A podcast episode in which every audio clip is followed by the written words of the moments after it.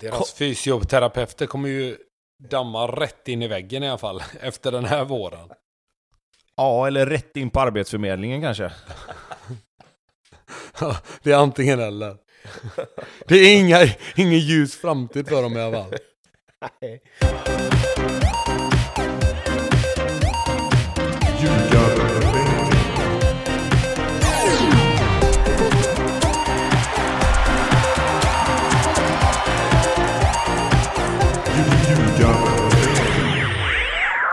Det här är Ljugarbänken i samarbete med Betsson, fortfarande täppt programledare, men podden har ju fått sig en utmaning sen sist. Rasmus Elm sitter på Kalmars bänk, eh, får en eh, fråga efter förlusten mot Häcken om huruvida han skulle in och spela eller inte. Henrik Rydström har sagt att han hade dominerat 15 kanske till och med 30 minuter eh, och att han är bäst på träningarna eh, medan Rasmus ödmjukt backar undan hela tiden tills precis i slutet då han säger jag hade kunnat tänka mig att hoppa in mot IFK Göteborg om Värnblom, också hade kommit in på andra sidan. Då hade jag velat spela. Hade inte det inneburit en ännu större fara för bådas hälsa, kanske framförallt din? Nej, nej, nej. Vi hade varit snälla mot varandra men det hade varit riktigt roligt, säger yngste broder Elm. Pontus, antar du utmaningen? Ja, då behöver det komma upp eh, Mayweather, eh, McGregor-pengar här tror jag. För att gå in i en match jag vet att jag kommer förlora. Eh, jag är helt övertygad om att Rasmus skulle hålla allsvenskan än idag. Det tror jag. Så jag är på Rydström-tåget där med att anta utmaningen. Ah, jag har bättre saker för mig som att podda och, och ja, spela paddel. Men för 700 miljoner kan du tänka dig en kvart? Ja, det är väl bara att börja ragga sponsorer då. Då kan jag spela en kvart med mitt Forrest Gump-skydd. Men alltså är det, är det Rydström som är snäll eller hade Rasmus grejat en halvtimme i Allsvenskan? Eller dominerat en halvtimme i Allsvenskan? Tror ni? Jag är helt övertygad om att hade han bara kunnat röra sig någorlunda så hade han dominerat. Är det så? Alltså? Ja, Han har ju en, pass, han har en passningsfot och en spelförståelse som inte någon annan i Allsvenskan har, så det tror jag säkert. Hade han bara varit någorlunda fit och kunnat röra sig hyfsat så hade han gjort det utan tvekan. med tanke på hur Kalmar spelar nu så tror jag absolut att han hade dominerat eh, med stort bollinnehav och sådär. Då hade han stått, stått och tiki-takat där i en sexa-roll, det, det tror jag. Men när han la av för tre år sedan va? Det var innan Kalmar blev tiki-taka. Han Ja, missade precis. liksom han, hade, han hade hela- mått bra. Han har mått bra av tiki-takan, det tror jag. Absolut. Väl, de bytte liksom precis när han la av, så bara nu ska vi spela med mest bollinnehav och aldrig avsluta. så jävla taskigt. Eh, ja, vi, uh, fan ska vi gå direkt på den eller? Häcken-Kalmar. Vi kommer Ja, inte pra- vi, vi ska ju säga det till alla ni som sitter på helspänn nu, att vi kommer inte prata alls om eh, Stockholmsderbyt idag. Utan det är bara här kör vi bara Häcken-Kalmar och Tobbe ska prata en halvtimme om att det är kris i Elfsborg och så vidare. Men Hammarby-AIK med Andreas, nada. Kan, ni- häng kvar tre kvart så får vi se. Men eh, Häcken-Kalmar eh, då? Eh, alltså Jerma Jeff, vilken jävla king. Fan, jag som har liksom satt hus och hem på att eh, Kiese Thelin ska vinna skytteligan. Jag vet en som inte satte hus och hem på att Kiese Thelin skulle vinna skytteligan och sa att Jerma Jeff skulle vara den som slutade i toppen. Vem kan det vara? Nej, jag vet inte. Man måste varit han, det måste varit han som trodde Degerfors skulle vinna hemma mot Elfsborg. Ja, men även att Degerfors åker ur, fast det, vi kommer väl till det lite senare. Nej, Häcken ser bra ut. Det får man faktiskt säga. Eh, Jag är imponerad framförallt av den här Rygaard också, som jag tycker är den som driver hela nästan tillsammans med Samuel Gustafsson på mitten. Eh, Och eh, ja, de kommer bli intressanta att följa här framöver, för som sagt, de har verkligen fått upp farten här nu och mm, jag ser nästan ingenting som kan stoppa dem för dagen. Erik Friberg, nytt kontrakt, kommer längre och längre bort. Jag tror inte att, jag tror inte att det hänger så mycket på uh, vilka, vilka som spelar eller inte spelar egentligen. Uh, Det är klart att han måste få lite speltid för att det ska vara mot, alltså att de ska kunna motivera att han ska få ett nytt kontrakt. Men jag tror att Friberg och Häcken utifrån alltså förhållandet sinsemellan så tror jag inte det spelar så stor roll om han spelar eller inte, utan det är väl snarare han själv känner där. Eller om då, som vi har liksom märkt, att Högmo inte vill ha honom där, men det tror jag ju inte. Uh, utan jag tror väl att det är snarare upp till honom, och, och, vill han spela fotboll under sina sista år här nu under karriären så, så är det väl snarare det det kommer att, att eh, falla på, att han, vill, att han vill ha mer speltid någon annanstans då. Men den här uppryckningen som Häcken gjort, man tänkte ju ändå inför den här säsongen, Vålemark stack som vi ju verkligen, verkligen vurmade för i fjol och så. Och, eh, och det såg väl lite svagare ut och nu är de väl eh, ja, nästan i serietopp. De är en match mindre spelad, men vad är det, som, vad är det Högmo har gjort? Nej, men jag tycker framförallt att nyförvärven har de prickat riktigt bra. Martin Eriksson har gjort ett eh, väldigt fint jobb här med Uddenäs och som jag sa innan så är vi inne på Rygaard och Hovland ser ut att styra upp den här backlinjen. Eh, så att den också ser riktigt bra ut. Eh, så det börjar väl framförallt där. Sen så känns det i alla fall som att de spelar med en annan intensitet än vad de har gjort innan. Och så har de ju som sagt Jerma Jeff där framme som gör mål på allt för dagen. Sticker han eller? Om en månad eller två? Nja, tveksamt ändå. Eller 28 bast, vad är det som skulle locka då liksom? Eller locka gör väl mycket, men vad är det som eh, vad ser du honom gå någonstans i sådana fall? Saudi eller något sånt? Eller? Är han bara ja, jag, tror, jag, jag, tror att han absolut kan bli kvar eh, året ut. Jag tror att får, får Häcken in lite mer poäng här nu innan uppehållet och, och är med och slåss om, om alltså på riktigt om eh, SM-guld, så tror jag att han kan se en vinning i att stanna kvar, i alla fall säsongen ut, för att kanske verkligen ta Häcken det där sista steget som de inte har varit. Man trodde ju verkligen inte det. Jag trodde verkligen inte det innan säsongen med tanke på hur det såg ut förra året och med tanke på att det ändå var Ja, det var lite osäkert, men precis som Pontus säger, de har ju träffat så himla rätt i sina nyförvärv. Det har tagit några omgångar i början av serien innan de fick riktigt, riktigt stäm. Jättebra mot AIK första matchen. Lite sämre match mot Blåvitt, då visste man inte riktigt vart det skulle ta vägen, men sen har de ju verkligen hittat rätt. Och som Pontus säger, just nu så är det ju, är ju Häcken eh, det laget ihop med kanske då till viss del AIK som, som man ska slå liksom. Men vad öppnar du för SM-guld här alltså? Jag tänker att, eh, man, eh, att det finns en tyst, kanske inte så tyst heller, en överenskommelse kring alla, hos alla i fotbollssverige att Häcken kommer inte vinna SM-guld. Nej, de kommer aldrig vinna SM-guld, det är jag tämligen säker på. De kommer vara med till där i slutet och så blir det inte mer, så blir det en tredje plats max. Kom, fem poäng efter va? Eller något sånt? Ja, något sånt där precis. I med de sista fyra omgångarna och sen skiter det sig hemma mot Värnamo. Typ. Nej men alltså, apropå German Jeff, känns inte han MLS då? jo, framförallt med namnet. ja, Houston-gubbe.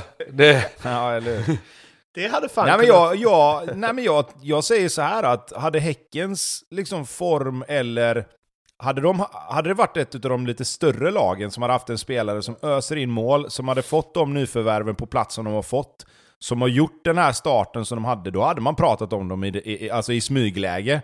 Så ja. det är mer det jag menar, att jag, man ska absolut inte räkna bort dem, för Häcken är också ett sånt lag att får de medflyt, så får de ju också, alltså de höjer sig 20-25% direkt de har lite form.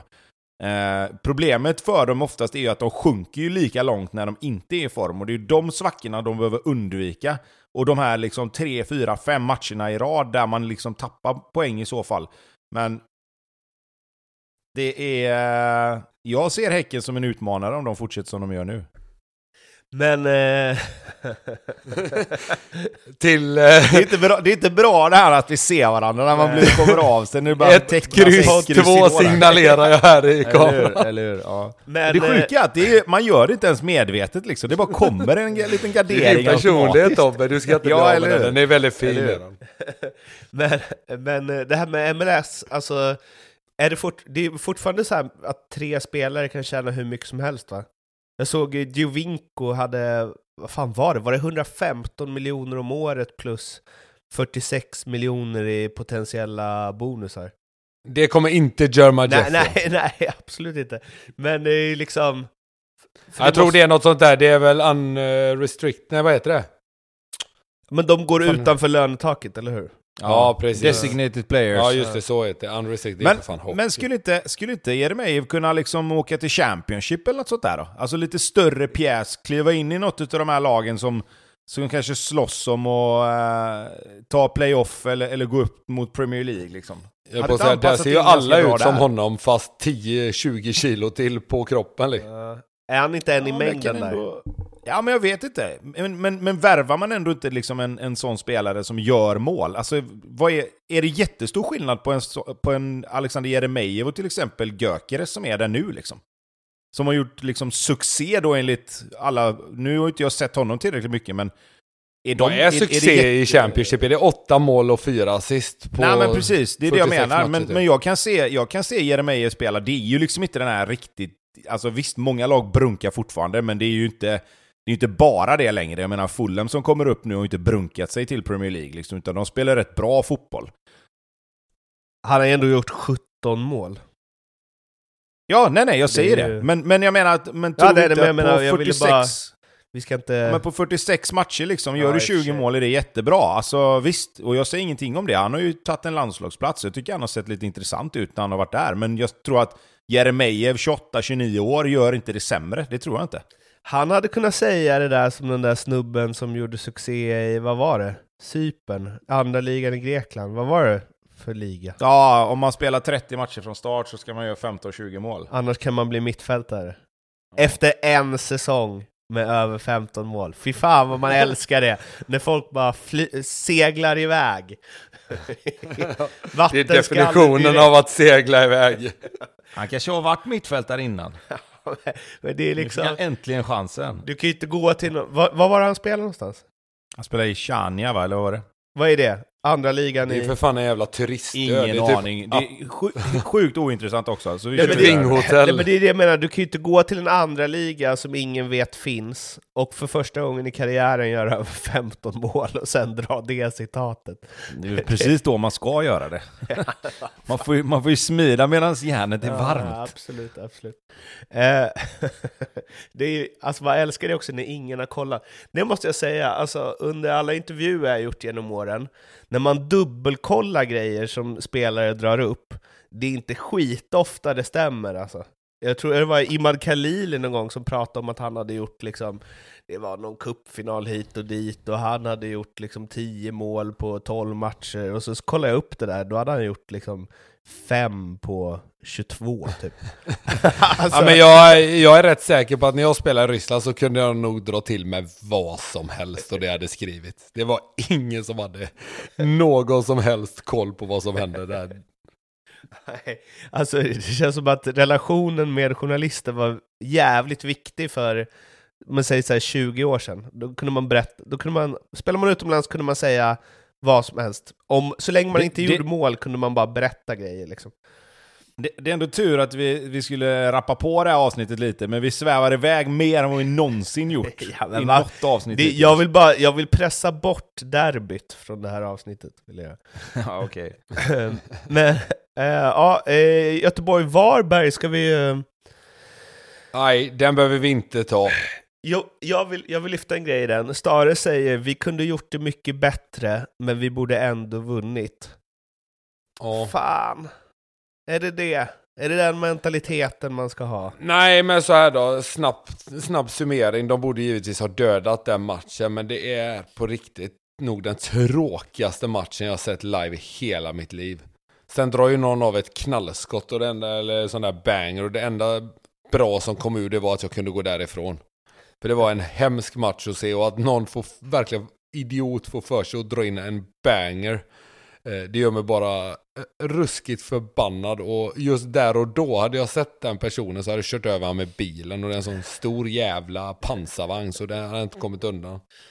Där skulle de haft Tobias Hanna. Hivat upp hörnflaggan. ja. Ja. nej, det är väl... Eh, nej, den går inte till historien som den matchen som tar världsfotbollen framåt. Det gör den ju inte. Nej men återigen, Blåvitt gör en... slätstruken insats, men precis som Stare säger, oavsett så skulle de ha vunnit den matchen, för att Varberg är inte heller bra. Nej. Eh, Jocke Persson stod ju i paus, var det väl, och var inte alls nöjd med, med första halvlek. Eh, och, eller, ja, alltså...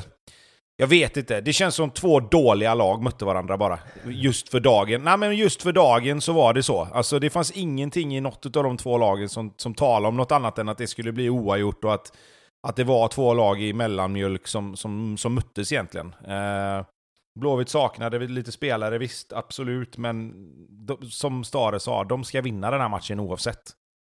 Jag satt och kollade lite på tabellen igår, jag gör inte så ofta det, men tycker det är nice att inte kika över tre matcher för att få en lite så här, aha, när man väl tittar på den. Eh, och alltså det, kan, det går ju fort i hockey som man brukar säga, men mm, alltså de ligger ju inte svinbra till Blåvitt. Nej, den bufferten de skaffade sig i början håller väl på att försvinna här nu eh, med tanke på några sämre resultat på sistone. Men det är ju ännu en sån här match när man har 1-0, man behöver göra tvåan och gör man inte den och då är man ju en, ett långt inkast ifrån att det blir 1-1 och så, och så blir det det. Och man får faktiskt ändå säga att i den här matchen så kändes det framförallt i andra halvlek som att ja, men det här kommer ju bli 1-1. Man vet ju att förr eller senare kommer Varberg få den här stora chansen från ja, en fast situation eller att de faktiskt börjar spela lite bättre som de gjorde. De fick bra effekt på sina byten i andra halvlek och ja, där har Blåvitt eh, lite att lära sig tror jag. För att tappa poäng hemma mot Varberg. Nu de inte, tog de inte poäng mot dem förra året överhuvudtaget. Så det här är väl ett fall framåt då. För det här Varbergsspöket, det är de inte av med än. Dock, en sak, det är lite tråkigt.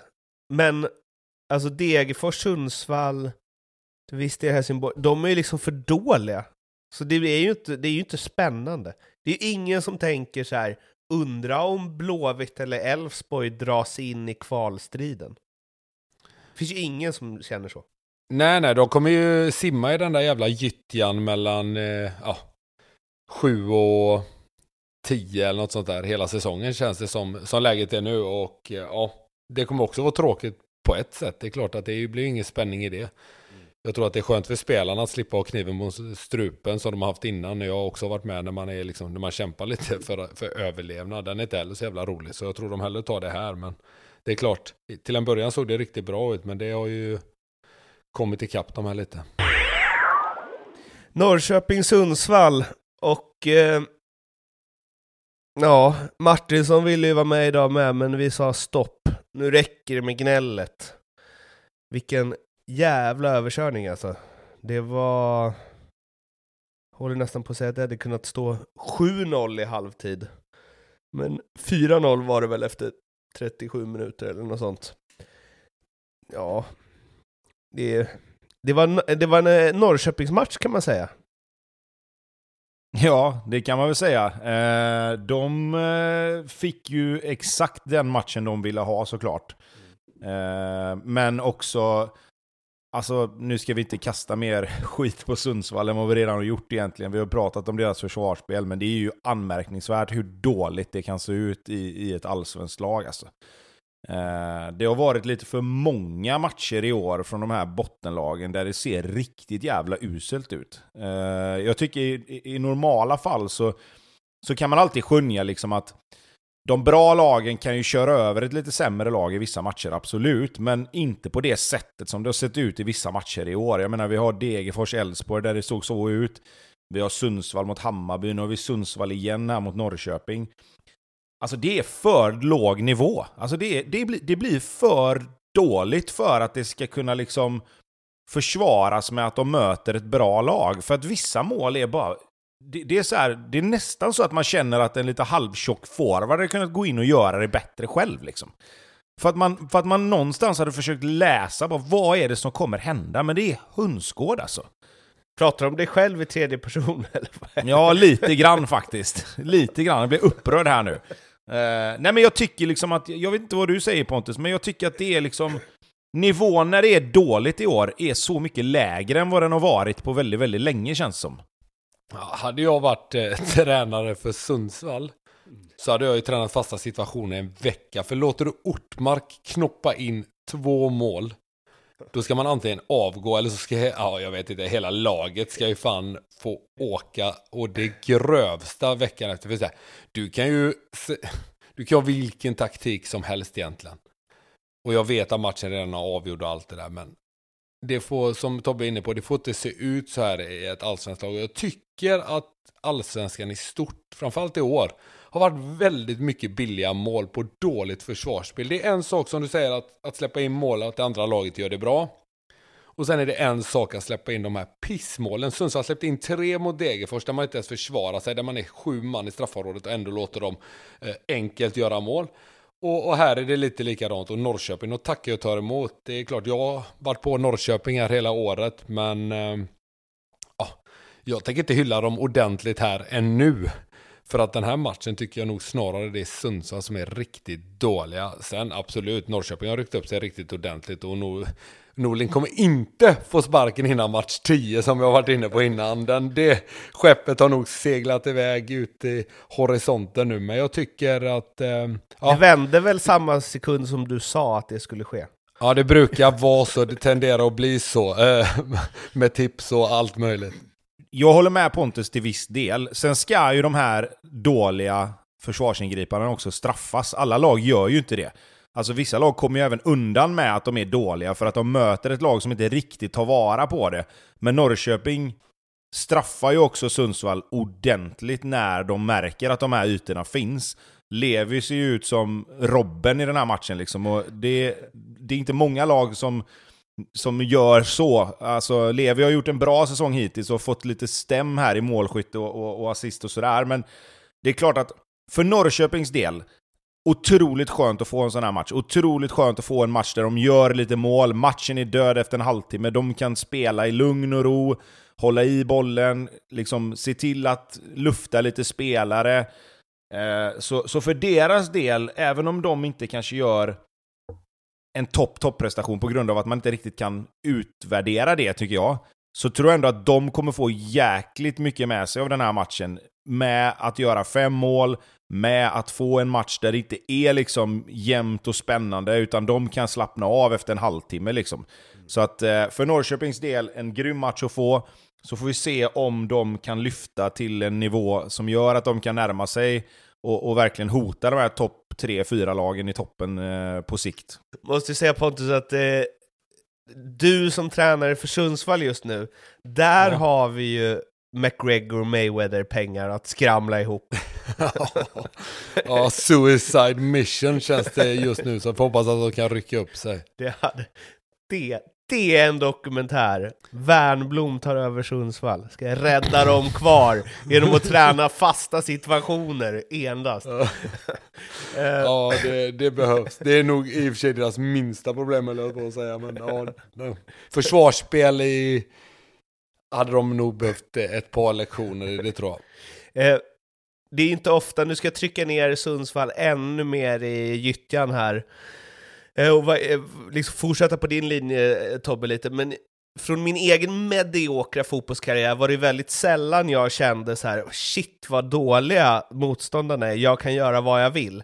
Men de få gånger jag kände det liksom väcktes till liv när jag såg Jonathan Levi i den här matchen, för det var verkligen som att han bara, oh nice, de här kommer jag kunna göra några mål mot och bara snygga till mina siffror. För att det var, varje gång han fick bollen kändes det som att han bara jag vänder upp, för här finns det 25 meter att springa på och jag kommer få jättemycket bra skottlägen. Eh, alltså det var ju verkligen som att så här, Det var så jävla tydligt det du sa Tobbe, hur dåliga de var. Och hur, dålig Jonathan, eller hur dåliga Jonathan Levi tyckte att de var. Att han bara, man, oh, En spelare av den eh, digniteten frodas ju i sådana här förhållanden. Det får man ju lugnt säga. Det mm. står Sundsvallsspel, som du säger, han får vända upp bara 25 meter till nästa Sundsvallsspel som har en blöt fläck mellan benen. det är klart att, att han frodas under de förhållandena. Såld i sommar, eller? Ja, fortsätter han att göra mål och liksom, alltså på något sätt det är ju en bra spelare, alltså han har ju spets. Det som har varit hans problem lite grann tycker jag, det är att, man, att han måste vara, vara mer alltså, ha lite kontinuitet i sina prestationer som den här då. Mm. Det blir lite för mycket upp och ner ibland, men i år tycker jag ändå det känns som att han har hittat en högre lägstanivå. Han har liksom inte de här riktiga dipparna i, i prestation som, som man kanske har sett. Sen att man gör en dålig match här och där, det är klart att det gör alla, men, men han har verkligen varit den spelaren i Norrköping som kanske har tagit lite grann ett steg upp i, i högsta nivå, men även höjt sig avsevärt vad gäller eh, lägsta nivå. Och det är klart att kan han fortsätta under våren här nu och göra lite två, tre mål och no, no, några sist till, så då står han på rätt mycket poäng på en halv säsong. Liksom. Och det är klart att han har väl en, han har väl en hyfsad ålder för att kunna ta ett, ett nytt äventyr. Liksom.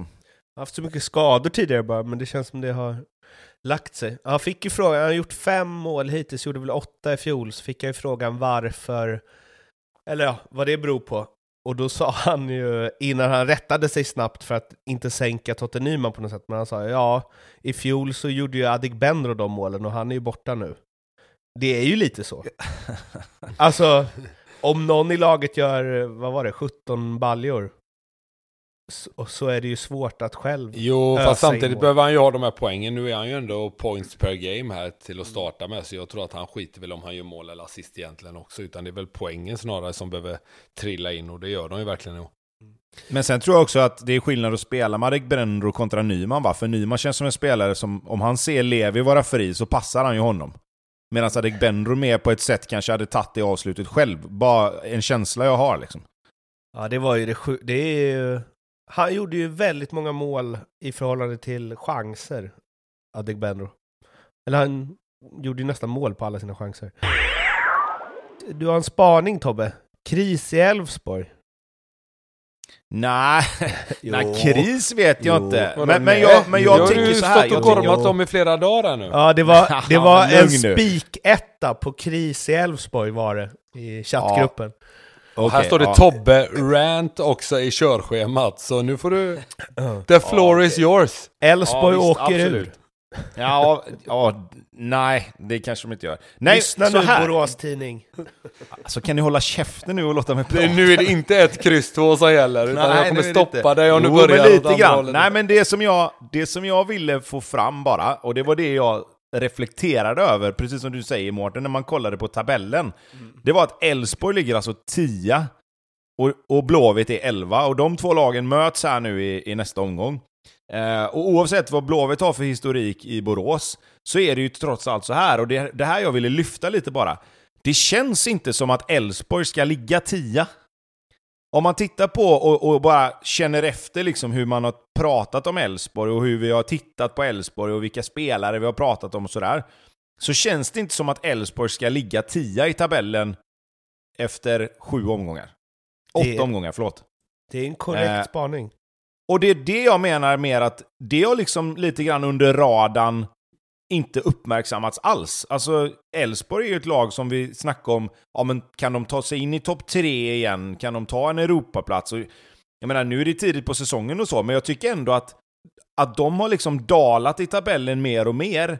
Det tycker jag känns som att det har lite grann försvunnit. Det, det är ingen som pratar om att Elfsborg ändå ligger så pass långt ner som de gör.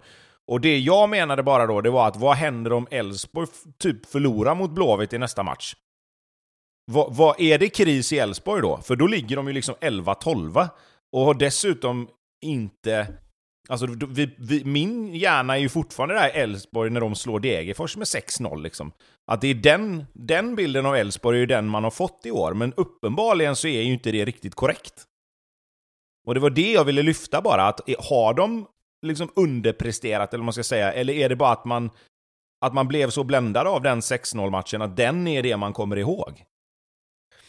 Är det slarvigt om man går tillbaka till att Elfsborg är ett så här, ett blött lag som är grymma i medgång och ingen som tar tag i det i motgång?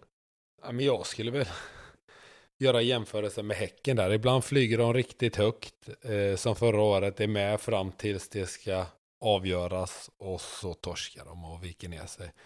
Och det är väl de förväntningarna jag har på Elfsborg med. De har en intressant trupp och lite som Tobbe är inne på. Det är rätt anmärkningsvärt att de har tagit så lite poäng som de har gjort hittills. Med tanke på hur snacket går. De har redan vikt ner sig. Är det det du är inne på? Ja, alltså så här, tåget känns ju som att det redan har gått nästan för att vara med där uppe. Det är klart att går de på en jävla streak här nu, men det är liksom ingenting som tyder på det i deras spel eller, eller så heller. Så att, ja. Tåget kanske inte har gått, men det håller på att gå. Och som Tobbe är inne på lite, torskar man mot Blåvitt eller inte vinner där, då kan det definitivt ha gått redan. Djurgården-Malmö. Total eh, överkörning, 4-0 till Djurgården.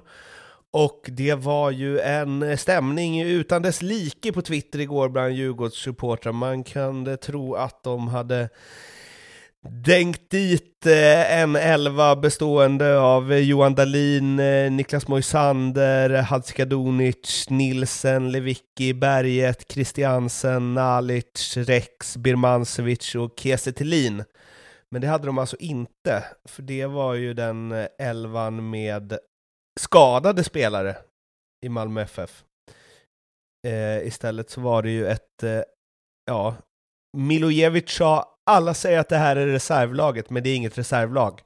Och då skulle jag vilja säga, jo, det är det ju. Alltså det är ja, ett superreservlag. Om man det hade sagt... sig framförallt igår. Ja, men så här, om man hade haft alla spelare tillgängliga och så hade man sagt ställ upp med reservelvan. Då hade den ju sett ut så här. Och alltså, ja, det är väl... Det här är ju sparringpartnersarna på träningen, definitivt. Ja, exakt. Och alltså... det tycker jag visade sig tydligt igår ju. Ja. Eh, Magnus Eriksson eh, fick ju studsa tillbaka ordentligt igår och var planens gigant och fick ju hur mycket tid som helst och tog ju vara på de chanserna hela tiden, hela matchen igenom. Han var, han var outstanding igår och eh, ja, det här behövde Djurgården, så mycket kan man väl säga eller? Ja, det tycker jag absolut. Sen ska det ju dock sägas att var det något som Malmö hade med sig som ändå var allsvensk klass på igår så var det väl mittfältet. Alltså de hade ändå Nanasi, Rakip och Peña. Vilket är ett mittfält som de faktiskt rent krast hade kunnat ställa upp med i en match mitt i veckan om de har match lördag, onsdag, lördag till exempel. Eh, så just den lagdelen tycker jag ändå att Djurgården, där var de bättre bara. Eh, sen är det klart att det, det har ju med hela laget och så att göra också, men det som, det som slog mig igår när jag satt och tittade på den här matchen, det var att det kändes som en sån här kuppmatch där ett allsvenskt lag möter ett lag som de bara vet att de kommer vinna mot. Alltså det blev en sån match liksom. Det kändes inte som att det kändes inte som att Djurgården ens firade målen på ett sätt som var att de hade slagit Malmö med 4-0, utan de kände så här, ja men vi vet att vi kommer vinna en sån här match. Liksom. Det var som att de var ute och spelade mot något division 1-lag i kuppen och liksom så här, ja, fyra mål liksom, ja men det är bra. Vi vann den här matchen så som vi skulle göra. Och, men, men det kanske bara var jag som fick den känslan, för det kändes inte som att matchen blev på riktigt nästan till slut. Jag, jag känner tvärtom. Jag känner att de firade som att de hade slagit en toppkonkurrent. Som, och att det var liksom så här att de gjorde en typ lite skrällinsats. Men det kanske var inramningen att eh, supportrarna, alltså det är klart man, fan de slog MFF, supportrarna skiter väl i vilken elva MFF hade, de vill ju bara att Djurgården ska vinna. Men ska man vara krass, och det är ju som att slå jag vet inte. Alltså kanske inte behöver gå ner till Degerfors som jag försökte provocera lite med på Twitter. Men vi är ju ändå nere på, jag vet inte, Värnamo. Nej men, nej men alltså, jo, men, jag, men jag, när jag tittade på, på matchen, det, det är klart att de firar, alltså det är fortfarande allsvensk match och fansen gör ju sitt och allt sånt där. Men, men när jag tittade på spelarna när de gjorde liksom trean och fyran och så här, det, liksom, att de firar målen absolut, men det kändes som så här, ja men, ja, Ja, det här, kanske var ja. mer att, för jag tänker på när Mange Eriksson hetsade mot publiken där, det kanske var efter 2-0, eller 1 Ah, något av de var två första. Var det 3-0 målet? Var det 3-0 målet? Jag tror till och med han skickade av en Vamos. ja, ja, ja, det gjorde han. Det gjorde han. Och jag ska inte säga vad jag tycker om det, men ja. Nej. Nej. Nej. Ja. Nej, det, vi kan väl konstatera bara att eh, Malmö har en bred trupp, men den är kanske inte så att deras B-lag vinner allsvenskan som det har snackats om ibland. Eh, sen får man ju också, man får ju också nämna, och det har vi ju redan gjort, men alltså det är ju helt otroligt att Malmö har så mycket spelare borta. Och nu när man läser och försöker följa med lite på MFF Twitter så är, börjar det ju, det börjar ju knorras ordentligt om, om varför det är så mycket skador. Liksom. Vi har varit inne på det här i podden innan och även i liven där, vad, vad det kan bero på. Men nu börjar ju också, nu börjar det ju rätt...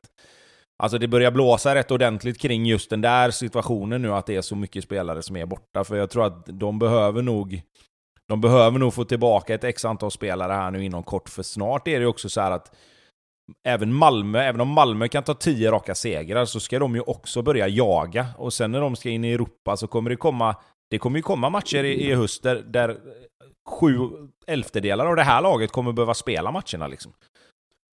Ja, jag är inte orolig för Malmö på sikt. Det kan jag inte säga att jag är. Men däremot så satt jag igår eh, under matchen och faktiskt eh, googlade lite på coach där. Och att han har fått det här jobbet i Malmö. Uh, ja, jag vet inte vad jag vill komma med. Jag tycker det är jävligt märkligt.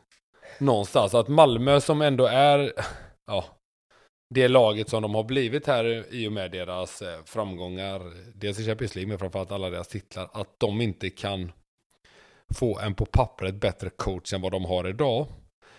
Eh, jag säger inte att de har inlett dåligt, de har haft jävligt tuffa matcher och mycket skador och sådär, men jag börjar bli så här. Ja, jag är lite osäker på det här ändå. Jag tror att är det någonting som fäller Malmö så kan det ju vara, givetvis skadorna. Men också, jag är inte helt säker på att det är rätt man på rätt plats. Men det är en tidig spaning här så här tidigt in i säsongen. Men det är ju ett helt, eh, alltså helt otroligt, visst så här, Malmös B-lag är inte bättre än så här. Men sett till vilka skador de har, alltså om man skulle dra samma skador i andra lag, då hade det ju varit, alltså även om vi snackar AIK, Hammarby, Djurgården, då hade det varit några spelare som ingen av oss någonsin hört talas om, som hade spelat. Ja, ja, ja alltså... absolut. Och det, det ska vi ju absolut ta med i det här, att det är fortfarande en rätt okej okay elva mm. som Malmö ställer ut. Sen att de inte har en chans mot, ett, mot en toppkandidat på bortaplan, ja. det, det må ju vara hänt liksom. Men det är klart att det finns ju spelare i den där elvan som kommer spela matcher även när de ställer upp med sitt bästa lag. Alltså, på så sätt liksom. Men det jag menar är bara att det är ju anmärkningsvärt hur de har hamnat där de har hamnat. Alltså nu är ju situationen sån och det är inte så mycket att göra åt. Alltså de här spelarna gör ju det helt okej. Okay. Och, och, på sikt så kan det också vara så att vissa av de här spelarna kanske mår bra av att få sådana här matcher nu när de får lite speltid som de kanske inte hade fått om de hade haft en eller två skador. Men problemet blir ju också att det som blir i, i Malmös verksamhet blir ju också att när de här elva spelarna vi räknar upp först inte kan träna, då säger vi okej, okay, men då är det här sparringlaget nu som ska ut. Men vilka sparrar mot dem nu då? Alltså, möter de U19 på träning då om de behöver spela 10 mot 10 till exempel? För problemet blir ju också att hur många spelare har man i träning? Kan du bedriva en ordentlig verksamhet liksom i veckorna om du inte har tillräckligt med spelare i träning? Alltså det blir ju också ett problem och det tror jag man glömmer av ibland att den här dagliga verksamheten försämras ju avsevärt också. Dels för att det inte finns tillräckligt många spelare, men dels också för att du hela tiden måste kanske då fylla på med spelare underifrån hela tiden som, som uppenbarligen då inte är lika bra eftersom då hade de varit där från början. Deras fysioterapeuter kommer ju damma rätt in i väggen i alla fall efter den här våren. Ja, eller rätt in på Arbetsförmedlingen kanske. det är antingen eller. Det är inga, ingen ljus framtid för dem i alla fall. en rolig stats här från matchen då. Jag kanske är helt snett på det. Jag sitter inne på Forza Fotboll så de får fan ta på sig om det här är fel. Bollinnehav 60-40 till Djurgården. Skott på mål. 3-3. 3-3? Ja just det, han nickar ju in. Ja, och sen vet jag inte ens om, om, om det 3-0 målet räknas som ett skott på mål med tanke på att den går i burgaven om inte... Ja ah, just det, det är inte skottet på målet. Det räknas ju inte som ett skott på mål för att den Mange Eriksson, den klacken han har. Det. Men det är ändå anmärkningsvärt. Det, så kände man inte riktigt när man såg matchen, men... Eh, nej. nej. Men en, ja. en, sak till också som kommer lite i skymundan av den här. Det är en jättebra match av Djurgården på alla sätt och vis. Men Edvardsen är fortsatt osynlig tycker jag. Ja, men det toppar väl eh, i alla fall Sportbladet nu på morgonen va? Mm. Vill inte mm. bara mm. springa utan också röra bollen. Ja, nej jag förstår hans frustration för jag tycker man ser den i matchen. Uh, hela tiden på honom nästan när han zoomas in. Man ser att det inte är riktig harmoni där. Uh, han gör det han ska, uh, men han får liksom ingen utdelning på det. Va, hur länge kan det hålla på så här då? Alltså han är ändå, vi snackar skyttekung och sånt inför säsongen. Inte jag va? Tobbe snackade skyttekung, ja, jag hade han... Ja. Ja, bra. ja, nej, okay. en... Jag har aldrig sagt skyttekung, jag sa att han skulle göra en massa poäng. Ja, det kan han fortfarande göra, men så här. Men han känns inte het Victor... i det heller. Nej, det gör han inte. Det, nej, absolut inte. Han har haft en jättetung inledning på säsongen. Det är inget att snacka om. Men det som jag tycker att han borde fokusera på mer än att och liksom ja, jag får bara springa eller jag, jag vill ha bollen också. Det som är ju att hade han gjort någonting med bollen så hade han ju fått den. Alltså en, en spelare som gör saker och det händer saker liksom när han har bollen, han får ju också bollen oftare. Så enkelt är det ju. Och fram tills han liksom får saker att hända när han har bollen, så kommer det ju också vara så att de letar andra alternativ. Och problemet för Edvardsen nu är att han måste ju bara borra ner huvudet och kämpa ännu hårdare, och det kommer ju innebära att han behöver springa ännu mer.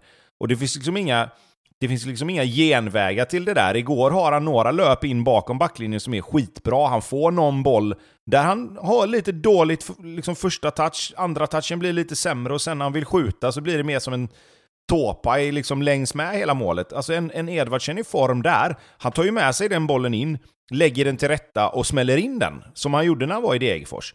Och det är klart att så länge han inte gör det, så kommer han ju heller inte bli matad med en massa bollar. Han kommer få de bollarna han ska ha, men för att få de här extra bollarna då, för att få vara med i spelet, så, om man nu pratar utifrån den intervjun han gör, så måste det också hända någonting. Alltså det måste ju hända någonting när han har bollen. Och än så länge är den... Ja, men det blir lite så. Men, men grejen är att det är ju han som måste börja för att ta sig där ur. Han måste ju göra någonting oväntat, göra ett mål, göra en assist, för att få mer boll. Alltså om ni förstår vad jag menar. Eller Pontus, du, eh, håller du med? Eller liksom, för det är ju så det är. Alltså ser du en spelare som är het, så matar du honom med bollar hela tiden. Jo, det blir ju så. Det tenderar ju... Är du i form så tenderar du att få en del bollar också. Jag vet inte riktigt anledningen till det, men det är väl att du rör dig rätt och så vidare. Men är det inte också att i... Eh, när han spelade i Degerfors så fanns det ingen annan att ge bollarna till, så då gav man dem till honom ändå. Och då... Alltså, han, får ju, han hade ju mycket mer boll, han fick ju mycket mer lägen. De kanske passade honom fast han hade bränt tre klara lägen den matchen. Så var det ändå så här. Ja, ja, vem ska vi passa istället? Och nu är det, nej vi passar fan Haksabanovic istället. Eller? Jo, nej men ja, absolut, så är det ju. Och sen kan jag ju tycka liksom att det är lite underlig timing på, på en sån här intervju också. Alltså, ta den här i veckan i så fall, liksom, om man känner att man får kritik för att man inte riktigt liksom lyckas med det man ska. Här är det ju lite så här, precis slått Malmö 4-0, få lite frågor, fan, ducka de frågorna, säg bara liksom nej men det, vi vann med 4-0 liksom, och visst, jag gjorde inget mål idag, men jag fortsätter gnugga på liksom, och det är inga konstigheter. Och sen, skulle det vara så att det, skulle det, vara så att det fortsätter så här så, så får jag väl ta får jag väl ta ett snack och, och, se vad jag kan göra lite bättre, eller för att få lite mer boll, men det är ingenting vi pratar om nu. Nu har vi vunnit med 4-0, nu ska vi njuta av det liksom. Ja, nej, det är sjukt att det kan bli negativ press efter en 4-0-seger mot Malmö. Jag tycker att, att där, måste han ju bli bättre såklart också. Utan det, det, får inte hända att det blir negativ press när man har en sån här prestation lagmässigt. Det är som jag brukar säga on brand, att han gör en sån intervju efteråt. Det är Definitivt. inte så... Eh, sen måste jag också... Joel Asoro gör en intervju efter matchen där han säger Det är klart att jag vill starta, men jag är inte den som sitter och surar. Det förstör bara min egen fotboll. Kolla på Liverpool och Origi. Han har knappt startat, men gör de viktigaste målen i Liverpools historia. Det handlar om vad man kan tillföra till laget. Rubriken, han säger också meningen efter, att eh, om han anser sig vara Djurgårdens Origi så säger han det skulle jag inte säga. Rubriken Asoro jämför sig själv med Liverpool-stjärnan. Okej, okay, ja. Det var tur du sa det, för annars hade vi gått in med sågen här. Om man jämför ett 4-0 mål hemma mot Malmös Bacon med att göra mål i en Champions League-final. Men då, då, rättar han ju det, då rättar han ju sig själv. Eh, och, nej men i, i sak har han ju helt rätt där, och jag gillar att han, att han ändå liksom har den approachen in i det. Att det handlar om vad man kan göra för laget. Han fattar precis, liksom, det, är inte, det är inte läge att gå ut och gnälla på att man inte startar. Han kommer in, gör ett mål, kommer ifrån matchen med stärkta aktier och en intervju som dessutom kommer uppskattas mer i, i omklädningsrummet tror jag. Så att, eh, bra ja, gjort Asoro. Ja, för eh, när man går in på Expressen Sport så är det liksom överst. Asoro jämför sig själv med Liverpool-stjärnan. Delad bild, Asoro och Rigi. Den ja, lär ju... Där är ju media, där är ju vad heter det, rubriksättarna horribla också, bara vill ha sina jävla App, Applåd! Expressens rubriksättare. ja, men, äh, nej, men läs artikeln då kan vi väl säga. Jag tycker ja. att han, äh, jag tycker att han Det bör man alltid saker. göra när man ser rubriker ja, så liknande så sådär. Eh, Danielsson satt på läktaren, brutit kontraktet i Kina och det hade väl varit en bra värvning. För MFF också för den delen. Ja, men nu tycker jag de har fått lite stäm på sitt mittförsvar med Hien här som har faktiskt växlat upp ordentligt i de senaste matcherna. Så det är absolut, det är klart att Danielsson är en bra mycket bättre spelare, att de behöver honom. Men eh, de hade nog behövt honom i de första matcherna snarare än nu, för nu tycker jag det faktiskt ser eh, riktigt habilt ut igen. Ska inte Djurgården bara, han ska ju inte spela landslaget nu heller Danielsson, utan det, är det inte bara knipa honom, skriva fem år, och så har man allsvenskans topp tre mittbackar. Jo, men skulle inte det vara så att de redan skulle ha gjort det då? Det får man ju ifrågasätta om han verkligen har brutit eller när han får signa. Jag vet ju att de till exempel kan få en... Eh, att han kan signa om de får eh, från Svenska fotbollsförbundet, att de får igenom det. Mm. Men här är, väl, här är väl samma problematik som det har varit med Sam Larsson ett tag, att du får ju inte dispens om du bryter ditt kontrakt efter, alltså mellan fönstren va? Jo, det är om då du, om... kan få dispens. Det är ju det som nej, är dispens, jag tror, annars, nej, jag, jo, tror jag är det... rätt säker på det. För det, det, som jag läst om det, ja, det, det som jag läst om det här är att om du är kontraktslös när fönstret är öppet och inte får någon klubb, då kan du få dispens efter fönstret är stängt. Men om du bryter ditt kontrakt un, alltså mellan två transferfönster, så tror jag att du måste vänta tills, eh, tills fönstret öppnar med att signa för någon klubb. Men vi får väl jag är inte 100% eh, säker längre, makes sense faktiskt. ja, nej men, eh, men, nej men som sagt, alltså, sen så här, i, i saken eh, är ju att det är klart att Djurgården ska gå för Marcus Danielsson om han vill komma hem.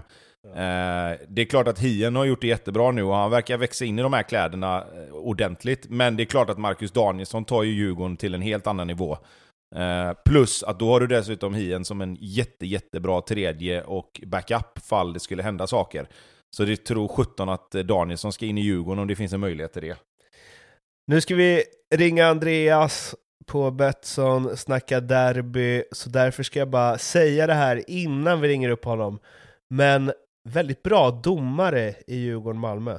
Ja, ja vi, jag tycker att domarnivån har, vi var ju på domarna i början av serien här och eh, jag tycker väl att eh, den har, den har, att de har höjt sig, men ja, jag tror jag inte att jag får medhåll av eh, maltesen här nu om några minuter. Nej, jag, jag har en känsla av att han, med tanke på hans tweet här, så kommer han inte hålla med dig. Han är det enda trollet på Twitter med en profilbild. Ja, men det är ändå starkt att kunna stå för det ändå. Ägg-Andreas. Innan vi ringde dig Andreas så berömde vi eh, domaren i eh, Djurgården-Malmö. Mm. För vi tänkte att vi, ja men domarnivån i Allsvenskan har ändå varit, ändå varit bra. För vi tänker att det kommer komma lite annat här. Ja, ska vi, ska vi kliva på domaren direkt eller? Ja men jag men tänker för... att du kan, få, du kan få några minuter här nu. Nej men så här då. Okay. Ja, men för att få upp tempot tänker jag. Ja, eller? ja men absolut. Nej, jag, det är ju som vi har sagt innan här, det är historiskt uselt. Jag har aldrig sett det så dåligt domarinsats någonsin. Men det är åt båda hållen. Det är åt båda hållen. Alltså... Vilken Kim Bergstrand light alltså. Eller bara Kim Bergstrand karbonpapper. Exakt som han sa. Jämför mig aldrig med Kim Bergstrand igen. Aldrig. Säg inte historiska grejer då. Alltså. men, men, okej, men okej, liksom alltså. Jag vet, men alltså, jag vet inte var jag ska börja. Han tappar hela matchen. Han vill synas. Straffen AIK får, sinnessjuk. Offsiden är ju i och för sig kanske inte hans, men om vi säger domartrion då. Att missa den är också obegripligt. Jag tycker nog att det är, li inte lika dåligt, men också väldigt dåligt att eh, AIK inte får frispark inför Bayerns 3-2 mål på frispark. Jättetydligt. Och sen är det liksom hela tiden. Han står liksom, bara han, bara han är ju anledningen till att vi har fyra, fem minuters tillägg som han inte ens lägger på. Sen för han ska stå och hålla någon jävla monolog varenda gång han ska säga, berätta någon liksom att gör inte det här, gör inte det här. Jag tycker det är, och det är inte första gången Kristoffer Karlsson är igång. Så är det ju. Och sen så står han ju, ja. sen står han ju efter också och så säger han lite så här, ja men, men vi kanske ska ha VAR då, mer eller mindre säger han.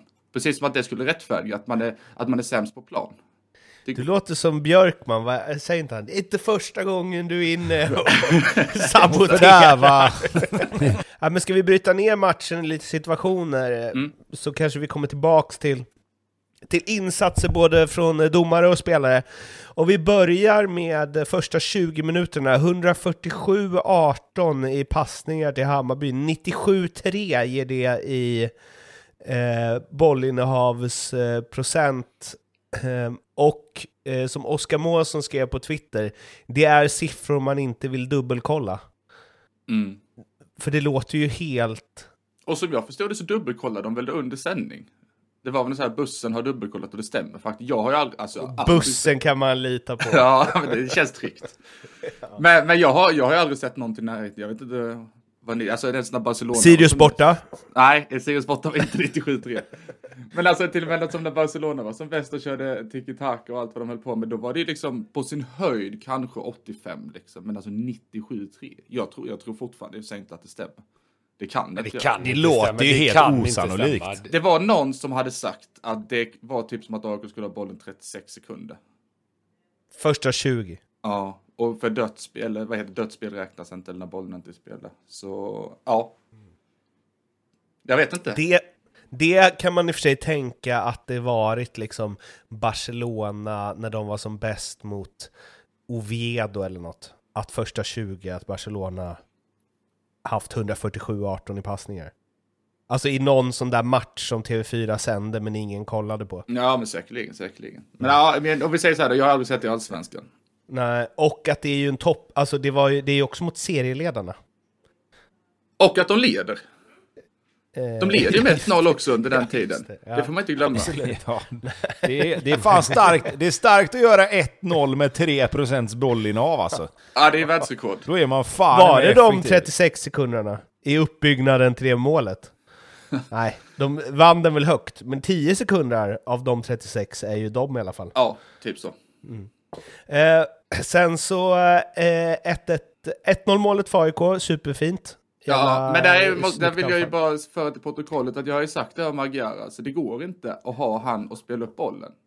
Det, det tycker jag inte det passar. Vi kommer kanske komma till det sen, men det finns ju vissa spelare i det här Bayern som inte passar in i den typen av fotboll som Cifuentes vill spela. Och då tycker Magyar är rätt klar att han inte funkar. Mm. Och det där var ju spiken i kistan. Hej då kapten, eller hur? Ja, man kan ju hoppas det i alla fall. Ja. Eh, 1-1 målet Dåligt att inte vinka offside. Också ganska dåligt försvarsspel va? För det AIK är bara, vi ställde honom offside. Fast det är också, han hängde inte med. Ja, Nej, men Ja. Jag vet inte om man kan säga dåligt försvarsspel när han är offside med en halv meter. Nej, det är väl fan bra försvarsspel om de ställer honom offside. Ja, lite så. Nej, men det är ju inte att han om? ställer honom offside. Han, Nej, men han står ju, de låter ju han löpa in offside. Nej. Det är väl svinbra att de noll, håller linjen. Noll att vem är det som är bakom honom? Nej, där men... får man ju bara lita på att domarna faktiskt ska vinka av. Det är inte så mycket att göra. Det är och är det... Jobb, faktiskt. Ja, och jag menar, vi pratar ju ändå om att AIK är bra just i det där spelet också. Liksom. Att de är bra i försvarsspelet och har koll. Liksom. Det skulle förvåna mig otroligt om de bara släpper en löpning som kommer på en, på en frispark. Liksom. Det är klart som fasiken att de har koll på att han är offside. Men det, om ni tittar det, på hur spelaren bakom... Hur, om ni tittar på hur spelaren bakom Ludvigsson rör sig, så ser det ju inte ut som att han vill ställa, eller hans tanke är att ställa offside. Ja, jag, jag tror så här alltså att man, man ställer ju sig i en linje och märker man att man har folk framför sig, alltså mot, närmare mål, så, så tar man ju för givet att resten håller samma linje. Alltså då är det ju Okej, snarare, ja, är det, det, är snarare är dåligt försvarsspel om det blir tvärtom. Så här är det, Tobbe, gå upp och ställ dig på mittplan där du brukade stå. Du har ingenting att tillföra här. Så här gör man. Man, ställer, man, man bestämmer sig var man lägger linjen någonstans. Det är alltid en som tar tag i det. Lyssna nu Sundsvall. Ja. Och sen så har man givetvis kommit överens om när man faller. Det kan vara eh, precis innan han sätter ner stödjebenet eller när han trycker till bollen. Det är lite olika där vad man kommer överens om. Och det har man kommit överens om redan innan och det gör AIK här. Och han springer in offside. De skiter i att han springer. Utan de har ett kommando eller när de liksom vet att nu faller vi. Ja, vad som än händer egentligen. Och då gör man det och det gör de här med och det är offside och det döms inte. Vilket är horribelt såklart. Är det Vad var det så- jag sa som så- var annorlunda mot det? Ja men du höll på att fippla och hålla på. Tydlighet Tobbe, det är du dålig på. Är det, är det horribelt av linjedomaren? För att han är ändå, det står ju, är det Sadiko som står framför va? Men alltså, jag... Jag tycker det är hans enda jobb ju. Hans enda jobb är att hålla koll på den jävla linjen. Och bara- jag, så ja, jag tycker att det, det går inte särskilt snabbt heller, för det är en fast situation. Jag fattar ju i spelet att man kan missa och sådär rätt enkelt. Men här tycker jag det är rätt tydligt. Det är ju inte så här, det är ju inte en, en arm eller en axel eller så. Han är ju offside. Ja men alltså det är ju, det är ju Ja, knappt och- ingen som ens tror på att det är mål. Och sen det här liksom att Sadiko står framför, ja men han är ju också offside. Det fattar inte jag folk som har sagt det. Alltså, ja men Sadiko står ja men han är ju också, han är ju ännu mer offside. Så, Så, och sen- så det borde vara så, om du inte... Om du inte ser den som är bakom Sadiko så är den bakom Sadiko Nej, men, men står man i linje så är han ju antagligen också, så du förstår vad jag menar liksom. Det blir lite så här, ja. Jo, men, men sen tycker jag så här också att det, liksom, med tanke på hur skickliga de flesta ändå assisterande domarna är på just det här med offside i spelet. Alltså de har ju ändå, vi ska ju vara ärliga och säga att assisterande domarna har ju en rätt bra procent kontra vad de träffar och vad de missar. Och att då missa en sån här situation där det faktiskt är som ni säger, där det, det är ju en fast situation. Du står ju still. Alltså du står ju i linje med med AIKs försvarslinje. Och det gör det ännu lite värre att missa just en sån situation. Är- Är det här de assisterande domarnas straffspark eller? När det är en fast situation för dem? att den är... Ja. Ja, lite så. Lite så. 2-1 eh, målet. Jas. Eh, Alexander Axén tyckte jag sammanfattade väldigt bra. Superfri spark i krysset, jättehård. Men det där måste målvakten ta. Ja, jag är inne på samma linje. Jag, jag fattar exakt vad han säger. Det, då är man kanske lite old school också. Det är ju en jättebra frispark. Alltså det är väldigt skickligt att få in den härifrån. Men samtidigt ska det inte gå att göra mål därifrån. Vart du än skjuter egentligen. Ganska dålig mur av Jordan Larsson. Men men kan, kan man hänga, kan man hänga liksom en målvakt på, på den? Alltså så. Även om man säger att han kanske ska ta men jag, vet, jag tycker inte man kan hänga en målvakt på den. Det här är, det är slarvigt, men jag säger det ändå. Eh, Johan Dahlin hade tagit den där. Nej, det hade han inte. Det, Diawara hade inte tagit. Nej. Men bara med. hade släppt den, för han hade trott att den skulle gå utanför. Ja, jag, är mer, jag är mer med dig Andreas här faktiskt. Jag tycker det är mer bra gjort av Jars än vad det är dåligt av målvakten alltså. Eh, visst, vinkeln är inte jättebra, men, men alltså att han ska vinkel blåsa den... Att han ska blåsa den rätt upp så som han gör, jag tror inte han riktigt är... Det skulle väl vara att han inte riktigt är beredd på det då kanske, men jag Nej, tycker, sen- jag, jag tycker absolut det är bättre gjort av, av spelaren här än vad det är dåligt gjort av målvakten. Sen tror jag man får lägga till en grej här. Det är att första målet, även om det är offside, då, om vi säger 1-1 mot Ludvigsson, så hamnar ju Janosevic lite på mellanhand. Då, känner, då tänker jag så här, jaha, vad gör han in, åtta minuter senare? Då vill han inte gå ut och ta någon chansning igen, utan då är det lite, då får man vara med på lite allt möjligt. Han kändes, det känns som att han inte känner sig trygg, om man säger så. Eh, Nej, alltså dåligt efter. gjort ju. Alltså för att så här, vad är det han safear upp? Att det ska komma ett inlägg som han inte ska hinna till eller? Ja. Alltså han, bo, han borde haft bättre koll på det hörnet. Nej, men alltså det... Jag vet inte hur jag ska förklara, men det känns som att han blir, att han blir osäker. Efter första målet, för han, hamn, han hamnar ju faktiskt mellan, alltså Ludvigsson lobbnickar in lite någonstans. Det- jag tycker bara det ser konstigt ut när målvakterna inte tar sådana där. Alltså han borde varit lite mer med på att den kan komma i första krysset. Så är det ju. Jag, jag väljer glädjen och en bra frispark. Absolut. Det är en bra frispark fast han kunde ha gjort det bättre. Exakt. Hade Okej. Jordan Larsson inte varit bollrädd så hade han nickat bort den där. Bayern straff. Besara släpper den, berättar han efteråt. Alexander Axén rasande. Fan vad han tar parti för sina tidigare spelare i Örebro. Alltid. Alltså det är värre än eh, Nordin Gerzic. Eh, och en bedrövlig straff av Bojanic. Ja, där kan vi snacka linjedomarklass alltså. ja det, det, det är värre. Alltså, detta, detta är sämre än domarinsatsen tycker jag. Om jag ska vara helt ärlig. Alltså Bojan har alltså två av två missade straffar i Bayern innan det här. Och de, de, har, inte, 100%. och de har inte varit nära. Och, och alltså, jag förstår inte så här. Jag förstår att det här, han sa att han kände sig het, Nahir är lite för snäll, det erkänner han mer eller mindre själv, om inte annat så, så säger ju Axén att så är det. Att då gå fram i ett derby 2-1 och säga, kan jag ta den? Då, då tycker jag att det är total brist på självinsikt. Han är sämst på plan i Bayern. Kanske, ja, tror det. Eh, Magyar hoppar upp ett snäpp. Ja det, ja, det gör han. Han blir näst sämst där. alltså man har väl någonstans en, en hierarki av en anledning. Jag hörde en annan podd nu på morgonen faktiskt där de sa så att det känns som att Bojanic han gör så dålig insats och nu ska han liksom åtgärda allt genom att sätta straffen. Jag tror inte han, om det var 2-1 hemma mot Halmstad som de också sa som exempel, så hade inte han bett om att ta den. Jag tycker inte det är läge att gå in och ta det. Jag tycker inte det ska vara accepterat att ta den i en sån här match, ett sånt läge. 3-1 och det är godnatt. Alltså 3-1 så är det ju närmare 4-1 än 3-2 sen. Jag, jag, skrev ju det här i chatten och jag ska ta det ytterligare ett steg längre för eh, Sebastian Larsson eh, drämde ju in AIK-straff sen, som vi kommer till. Men hela skillnaden, alltså både den här, hela den här situationen i Hammarby straff visar ju både varför Seb Larsson är Seb Larsson och Bojanic och Besara är Bojanic och Besara. Alltså det är ju så dåligt, det är liksom dåligt psyke på både Bojanic och Besara här. Bojanic för att han tar den, och inte har den självinsikten, och Besara för att han låter Bojanic ta den. Alltså då blir, man, då blir det liksom poängkung i Örebro, eller poängkung i Hammarby då, som det verkar bli nu. Men man blir ju inte landslag. Men jag skulle vilja lägga till en grej här också. Varför är det ingen annan i Hammarby som säger till Bojanic att ge han bollen? Ja. Alltså, ja, det, det, det är jag fattar liksom, om, man nu, om man nu vet att han har missat två av två, och du har en straffskytt, och antagligen är ju inte Bojanic heller då andra straffskytt kanske. Nej. Utan då finns det ju en annan spelare, för oftast har du en som ska ta straffarna, och om inte han är på plan, så har du en annan som ska slå straffen.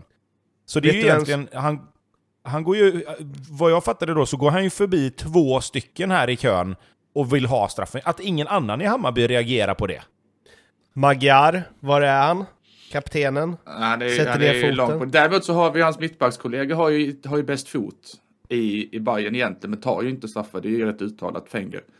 Fenger har ju klart bäst fot. Men det är nej, jag menar att han skulle säga till honom, inte att han skulle ta sig. Nej, ja, nej, absolut. inte att han ska gå alltså, ta. Handlar det verkligen om vem som har bäst fot där? För det har ju Bojanic. Nej. Det handlar inte, det handlar om att han inte kan slå en straff. Han har ju inte det på liggande boll. Han tar ju inte fasta. Det finns ju en anledning till nej, det. men det är ju inte det. Han bajar ju ner sig. Alltså, han är ju värd. Straffar har ju inte med hur bra fot du har att göra.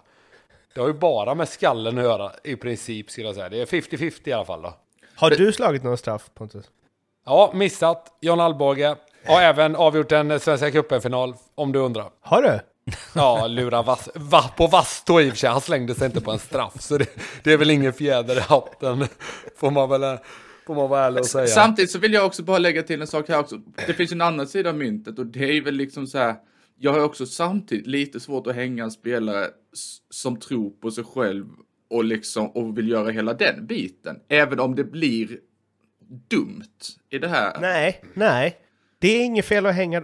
Man, att man gillar spelare som tror på sig själv hängas. och levererar. Man gillar inte spelare som tror på sig själv och inte levererar.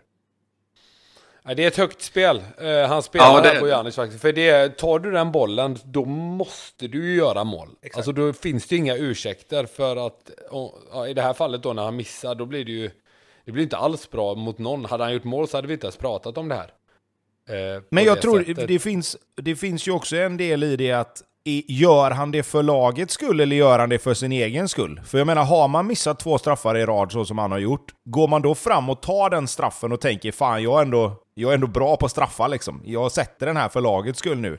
Eller blir det lite som du sa Andreas, att han ska liksom återupprätta sin match på något sätt. Och då blir det ju väldigt, väldigt egoistiskt tänkt att nu ska jag göra det här för min skull, för att jag ska få liksom spotlighten på mig här.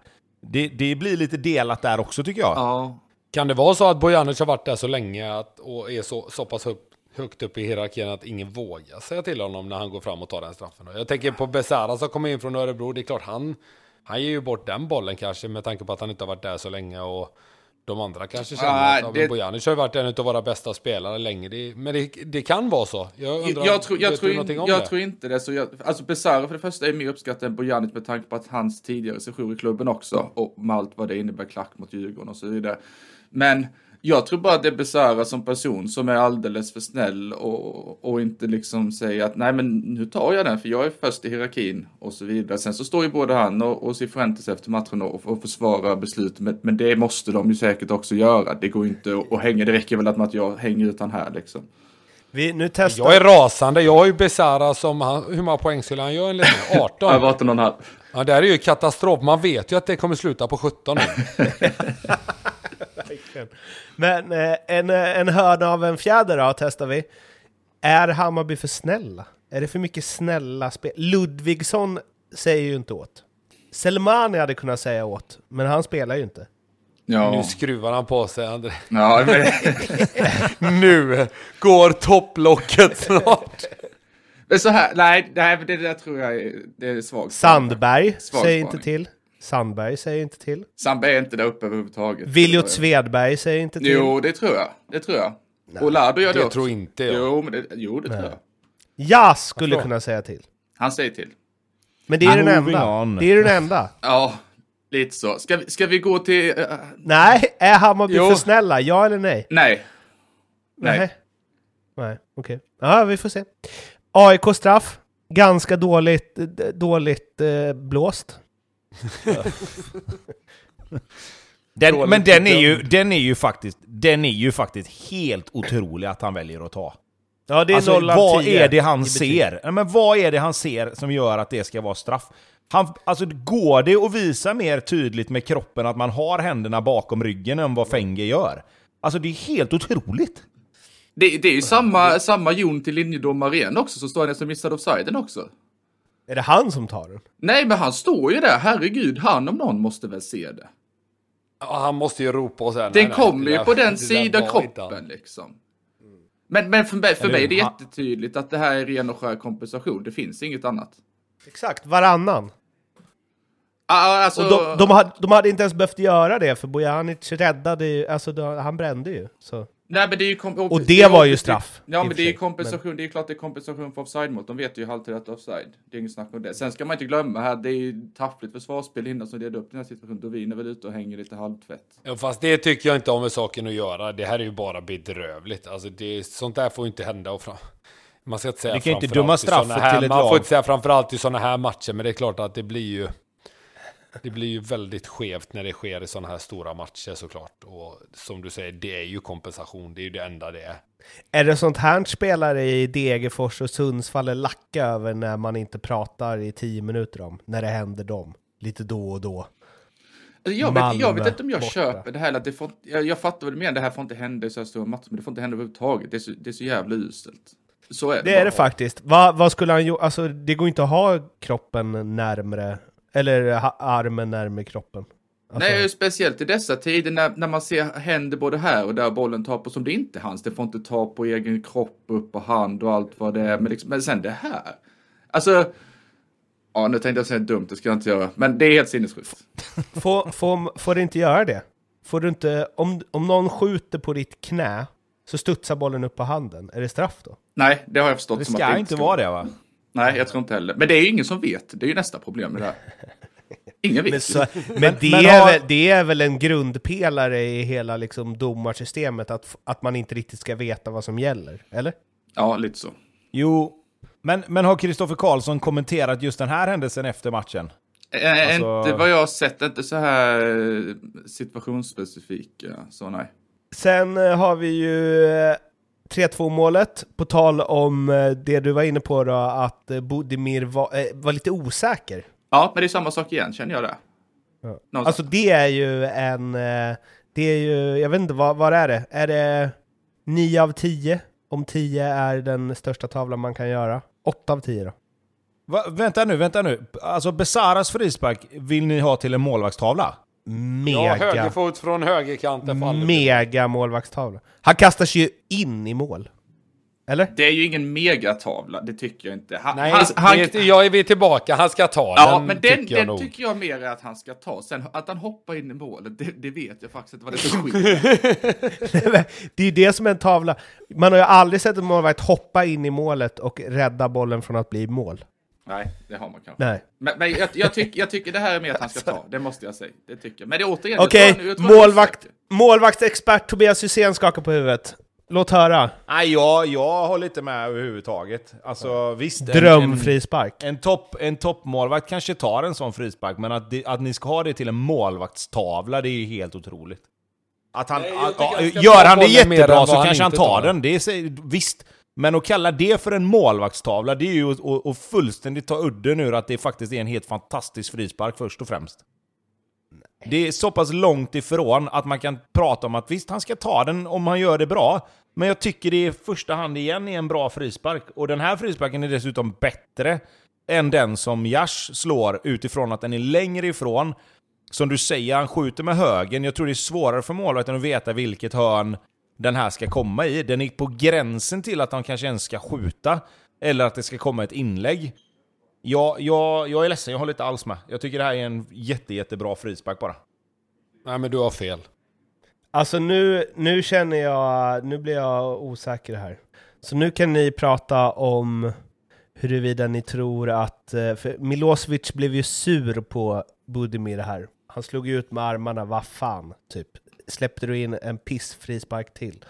Eh, eh, tror ni han blev det? Prata om det, nu ska jag kolla det här målet igen. Det känns ju inte som att det krävs jättemycket för att Milosevic ska slänga ut armarna i 72 när man släpper in tredje målet. Men så gör Jag tror alla mittbackar nästan när man Ja. släpper in mål. Då Eller gestikulerar man mot något, alltid utan en själv. Det är oftast anfallare, mittfältare och är, är det inte dem då som, det kan det ju inte vara i det här fallet, då är det klart, då blir det ju målvakten. Ja, men Jag tror mer det handlar om att han känner så som ni gör. Att den är lite för långt ifrån för att den egentligen ska kunna gå in. Men jag tror att när man tittar på den sen i efterhand igen så tror jag att nej, jag, jag, tror, jag tror verkligen att det är mer en bra frispark. Men känslan givetvis där och då är väl att fan, gick den in också liksom? Men okej, jag, tror kollar bara- på den jag igen. tror bara han Jag- kände så. Igen Bodomir! Det är exakt det han, han säger ju det. Han, han, han kör en piruett, han ska liksom få ut sin frustration. Men det slutar ändå med att han vänder sig mot honom och bara Vad fan!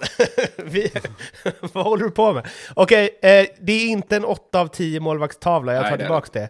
Eh, men Alltså han står ju fel i sådana fall. Alltså han är ju liksom, han hoppar ju, det är det, han hoppar ju inte bara in i mål, han hoppar ju också under bollen. Men återigen, så, men återigen så är det ju en effekt liksom av att du har två jävligt bra fötter, varav en är höger och en är vänster och du har släppt in en frispark i första från vänsterfoten. Det blir ju inte, så återigen, du kan ju inte chansa liksom. Och sen så jag, bara- det blir ju lite, det är ju inte otagbart.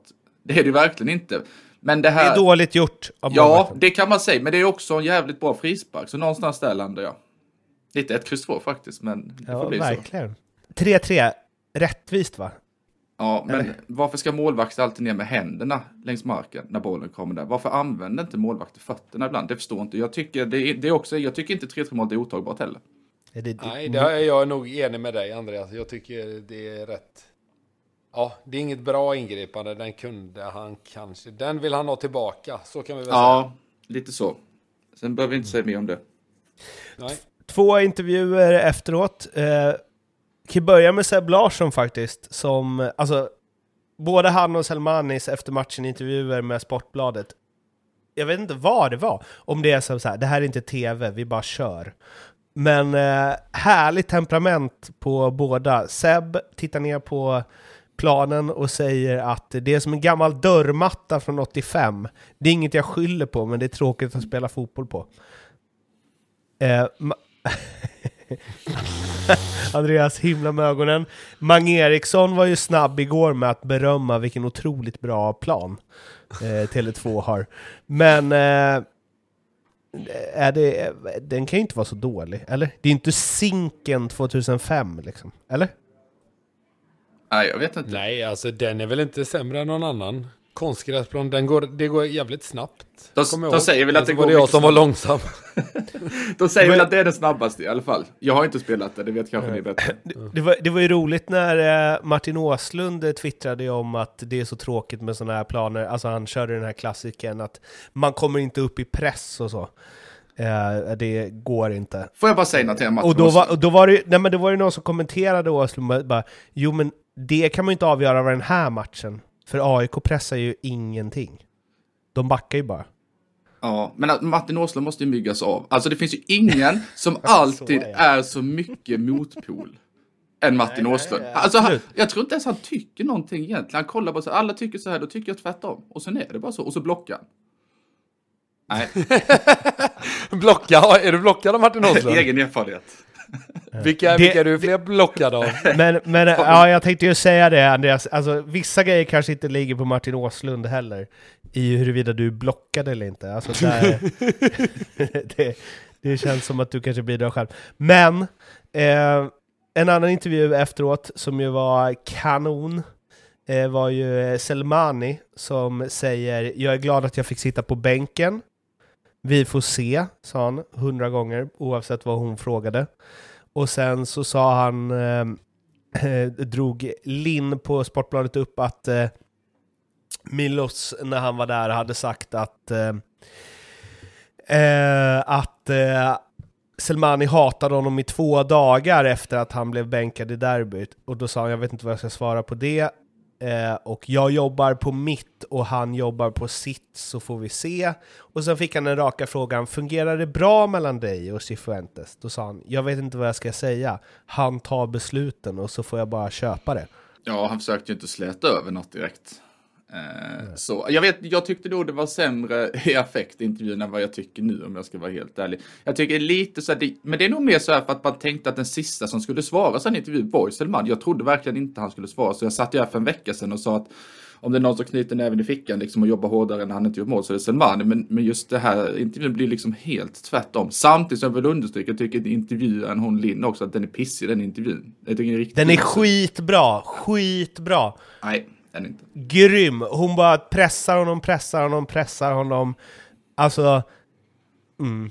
Kim Bergstrand hade säger, gått han för hundra år sedan. Han säger ju inte så mycket faktiskt som är kontroversiellt ändå. Nej. Eh, jag tror att han är besviken såklart. Eh, men jag tycker ändå han håller masken hyfsat får man väl ändå säga. Jag var håller masken? Du sa Andreas, direkt när man såg intervjun så tyckte jag att den var, men när jag har sett den igen så är det så här, ah, det sägs ju inte så mycket ändå som är kontroversiellt. Fast det är väl det som är problemet Sluta. också. Alltså, Vadå, han, han håller väl inte masken? Allt är ju, han, alltså när han står där, han hatar ju Chifuentes.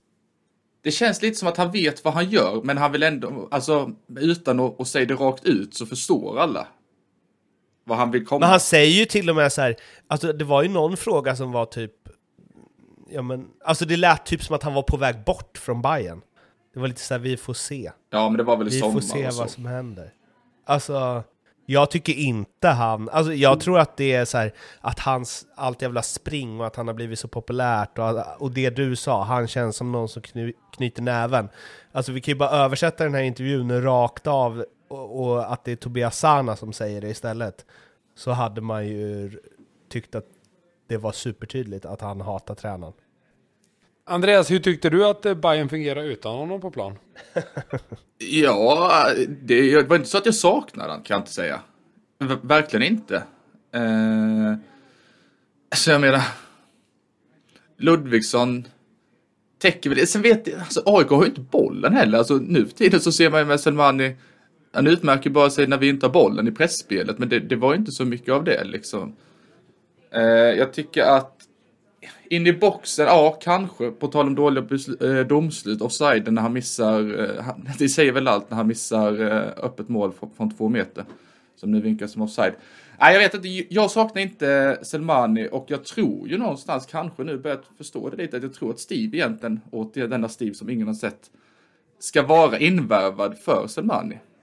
Eh, och ta hans, för om jag bara snabbt går tillbaka till där jag började lite innan. Det finns ju vissa spelare som känns som att de inte passar i eh, Cifuentes spel. Och Selman är ju en av dem, han värvat ju in på helt andra premisser och kommer från ett helt annan typ av spel. Både i Varberg och så som Bayern spelade under Milos. alltså, man vill inte att någon ska vara skadad, men det är ju det här med liksom Steve. Det hade varit kul om det drog ut lite. Så att, alltså, hur länge kan han vara bra utan att spela? Hur länge kan ni hålla hoppet uppe? Alltså, Ja. För du sitter ju här nu, han kommer ju in, han kommer ju snitta 0,5 per match. Väl? Vem tänker du nu, Steve? Ja. Ja, det, ja, det hoppas man ju såklart. Det är klart man gör den, liksom när vår dyraste nyförvärv någonsin kommer tillbaka, så det är klart att jag kommer hoppas att han i alla fall snittar 0,5. Det måste jag göra. Spelar två matcher och gör ett mål. Du, eh, din, eh, din föregångare, eh, Leopold Neurath, han eh, twittrade när AIK gjorde... Kan det varit när AIK gjorde... Nej, när Bojanic missade straffen. Ja, Så twittrade han, ja det var den säsongen. Ja. Är det känslan? Nej, verkligen. Nej. Det vore väl dumt. Alltså, slår vi Norrköping så leder vi. Fan, man gillar optimismen ändå. Och det gör ni ju, nu går vi vidare. Nu ska vi prata om något som Tobbe brinner för här. Niklas Hult, höger eller vänsterfotad? Nej, men jag hade lite dålig koll på det. Men Hult ska ju in här och eh, lira vänsterback i Bayern va? När Jas går till Celtic.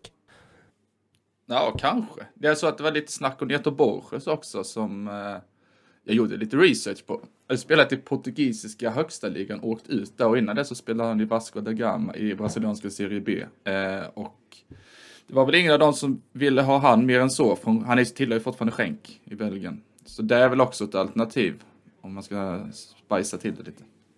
Mm, okej.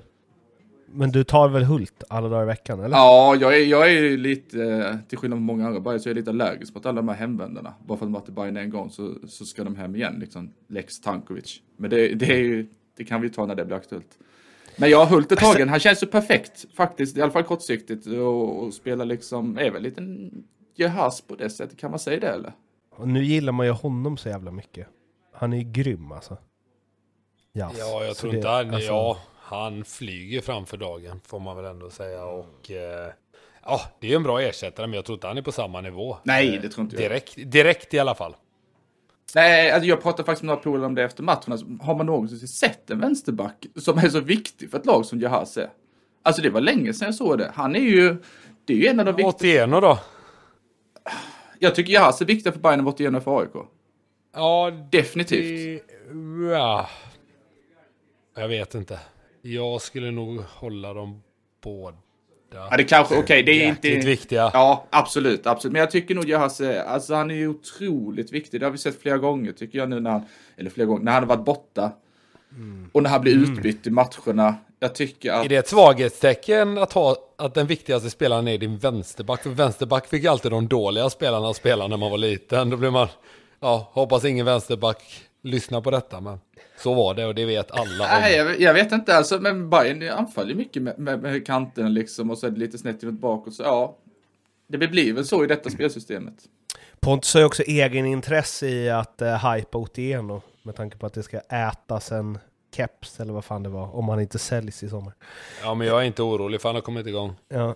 Eh, vi skulle ju prata om Bayerns officiella hemsida, men vi skiter i det och sen så låter vi den eh, hänga till eh, nästa avsnitt. Och då kan ju ni, eh, ni som läser de matchrapporterna ibland kan ju bara skicka in eh, om ni är för eller emot sättet som Bayerns officiella hemsida skriver eh, matchrapporter på. Så ska vi, sitter vi på nålar tills vi får veta vad du tycker om det Andreas. Mm, det blir kul. Det var ju kul. Nu är det lite speltips va? Ja, Då kan jag börja då. Det är bara Tobbe. Eh, jag har stenkoll på vad jag har spelat. Jag säger att Värnamo och Elfsborg, eller Värnamo och Hammarby vinner. Stenkoll och så säger man fel första man gör. Värnamo... Hammarby vinner, Värnamo vinner. Ja, nu ska vi se. Hammarby Norrköping. Värnamo Helsingborg borta. Eh, och Mm. Ja, den... men jag tror, tycker det jag har sett av Värnamo imponerar mer än det jag har sett av Helsingborg än så länge. Mm. Nej, jag är helt med faktiskt. Eh, den får vi till 5,75. Oh, jävlar vad högt. Ja, det gillar vi. Ja, kul. Ja. Eh, Pontus, har du koll på vad du har eller ska jag berätta? Nej, jag hade någon sån här under två och ett halvt mål. Jag kommer inte ihåg mellan vilka. Elvestico. Blåvitt Elfsborg va? Ja, just det. Just det. Ja. jag har lite dåligt självförtroende för dagen. Jag vill säga det till alla som har ryggat hittills. Att fortsätt göra det. För det finns en speciell plats i helvetet för er som kliver av. det, det låter ju vettigt. Ja. ja under två och en halv. Ja. Och så hade jag att... Eh, Malmö vinner. mot vilka möter de? De möter Häcken hemma. fortsätt ni rygga för fan. Ja, de ha det har de ju eh, normalt sett svårt mot. Men jag såg ett lite skönt odds där. Så den, nej men det gör de. Du, du vänder utstrålar ju inte något självförtroende direkt. Nej, men det kanske jag inte ska göra heller. Tycker du att... Nej, verkligen Ha? inte. Verkligen inte. Jag har ju mi- jag har haft lite tufft här på sistone. Ja. Ja. Vad är det med då? Den ger 4,50. Mm, men det tycker jag låter bra. Första gången jag spelar under Tobbe, va? Det är det nog. Med säk- all Jag säkerhet. Ja, det tror jag verkligen. Jag tror det. Ja. Men Tobbe kommer ha fel den här gången. Ja, han, Tobbe är faktiskt sist också i resultattipset. Det ska ju nämnas. Jag ryckte ju lite sist igår. Ja. Nu igår kväll igen. Ja, men jag vet inte om man kan säga r- rykte efter hur många omgångar. Åtta. När, hur många omgångar ska vi spela? Ja, två till bara. Nej jävlar! Jag, jag tänkte att det var 30. Det var därför jag var lite så laid back i början. Det, det, var, det, var, det var inget bra skådespeleri där. De tar, man, det är det man li- liksom ligger sist inför upploppet för man tänker att det är en bra idé. Komma. Men eh, fan, vi, vi är inget bra i det där resultattipset. Alltså du är bäst på 44. Ja. Det är ju inte... Tobbe är faktiskt, jag är ledsen att jag hänger ut när det var så- plats 102. Av 100... Pinsamt. Ja, 207. Så det är precis Exakt, över då, får, halva. och då får man ju räkna att de... Jag har aldrig hävdat att jag är bra på 70 lä- tippar. Jag har haft en halv säsong här nu där det har gått okej. Har Jag du inte säger- det? Du har ju för fan stått och slått dig på bröstet i flera veckor i rad här nu. Men det är ju för att han har haft På det två. tipset, på det vanliga här ja. Jag har aldrig sagt att jag, att jag ska vara någon jättetippare på något sätt. Jag har sagt att de som... Jag har en bra säsong här nu, jag har bra form här. Det, det är ju inte samma tips, eller hur? Det, det är ju liksom... Det ena är det ena och det andra är det andra, eller hur? Ja, det, absolut. Ja, så kan man säga. Sen är det ju, får man ändå säga att mellan dig på 44 Andreas och Tobbe på 102 så är det ju 9 poäng. Det är ju ingen... Det kan man hämta ifrån. Nio poäng på nio matcher. Ska vi säga så eller? Så ska vi säga. Ja, eller hur?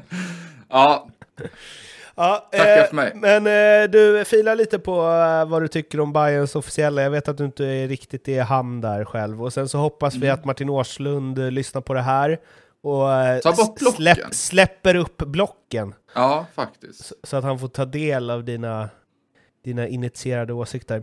Du kan, du kan få vara med i avslutet här till och med, Ja. om du vill. Mm, vill. Vill du säga det här som jag alltid säger? Eh, nu kommer jag inte ihåg vad du säger, men jag, Jag vet. brukar säga, jag brukar säga så här, kom ihåg att spela ansvarsfullt. Ja, jag tänkte precis säga det. Ja, men 18 så är det år. ju. Kom ihåg att Mm. spela ansvarsfullt, man måste vara minst 18 år och har man några som helst problem med spel så kan man alltid besöka stödlinjen.se. Det kan man. Och eh, de här specialspelen från herrar Wernbloom Hussein hittar man på Godbitar och sen ljugarbänken. Kul!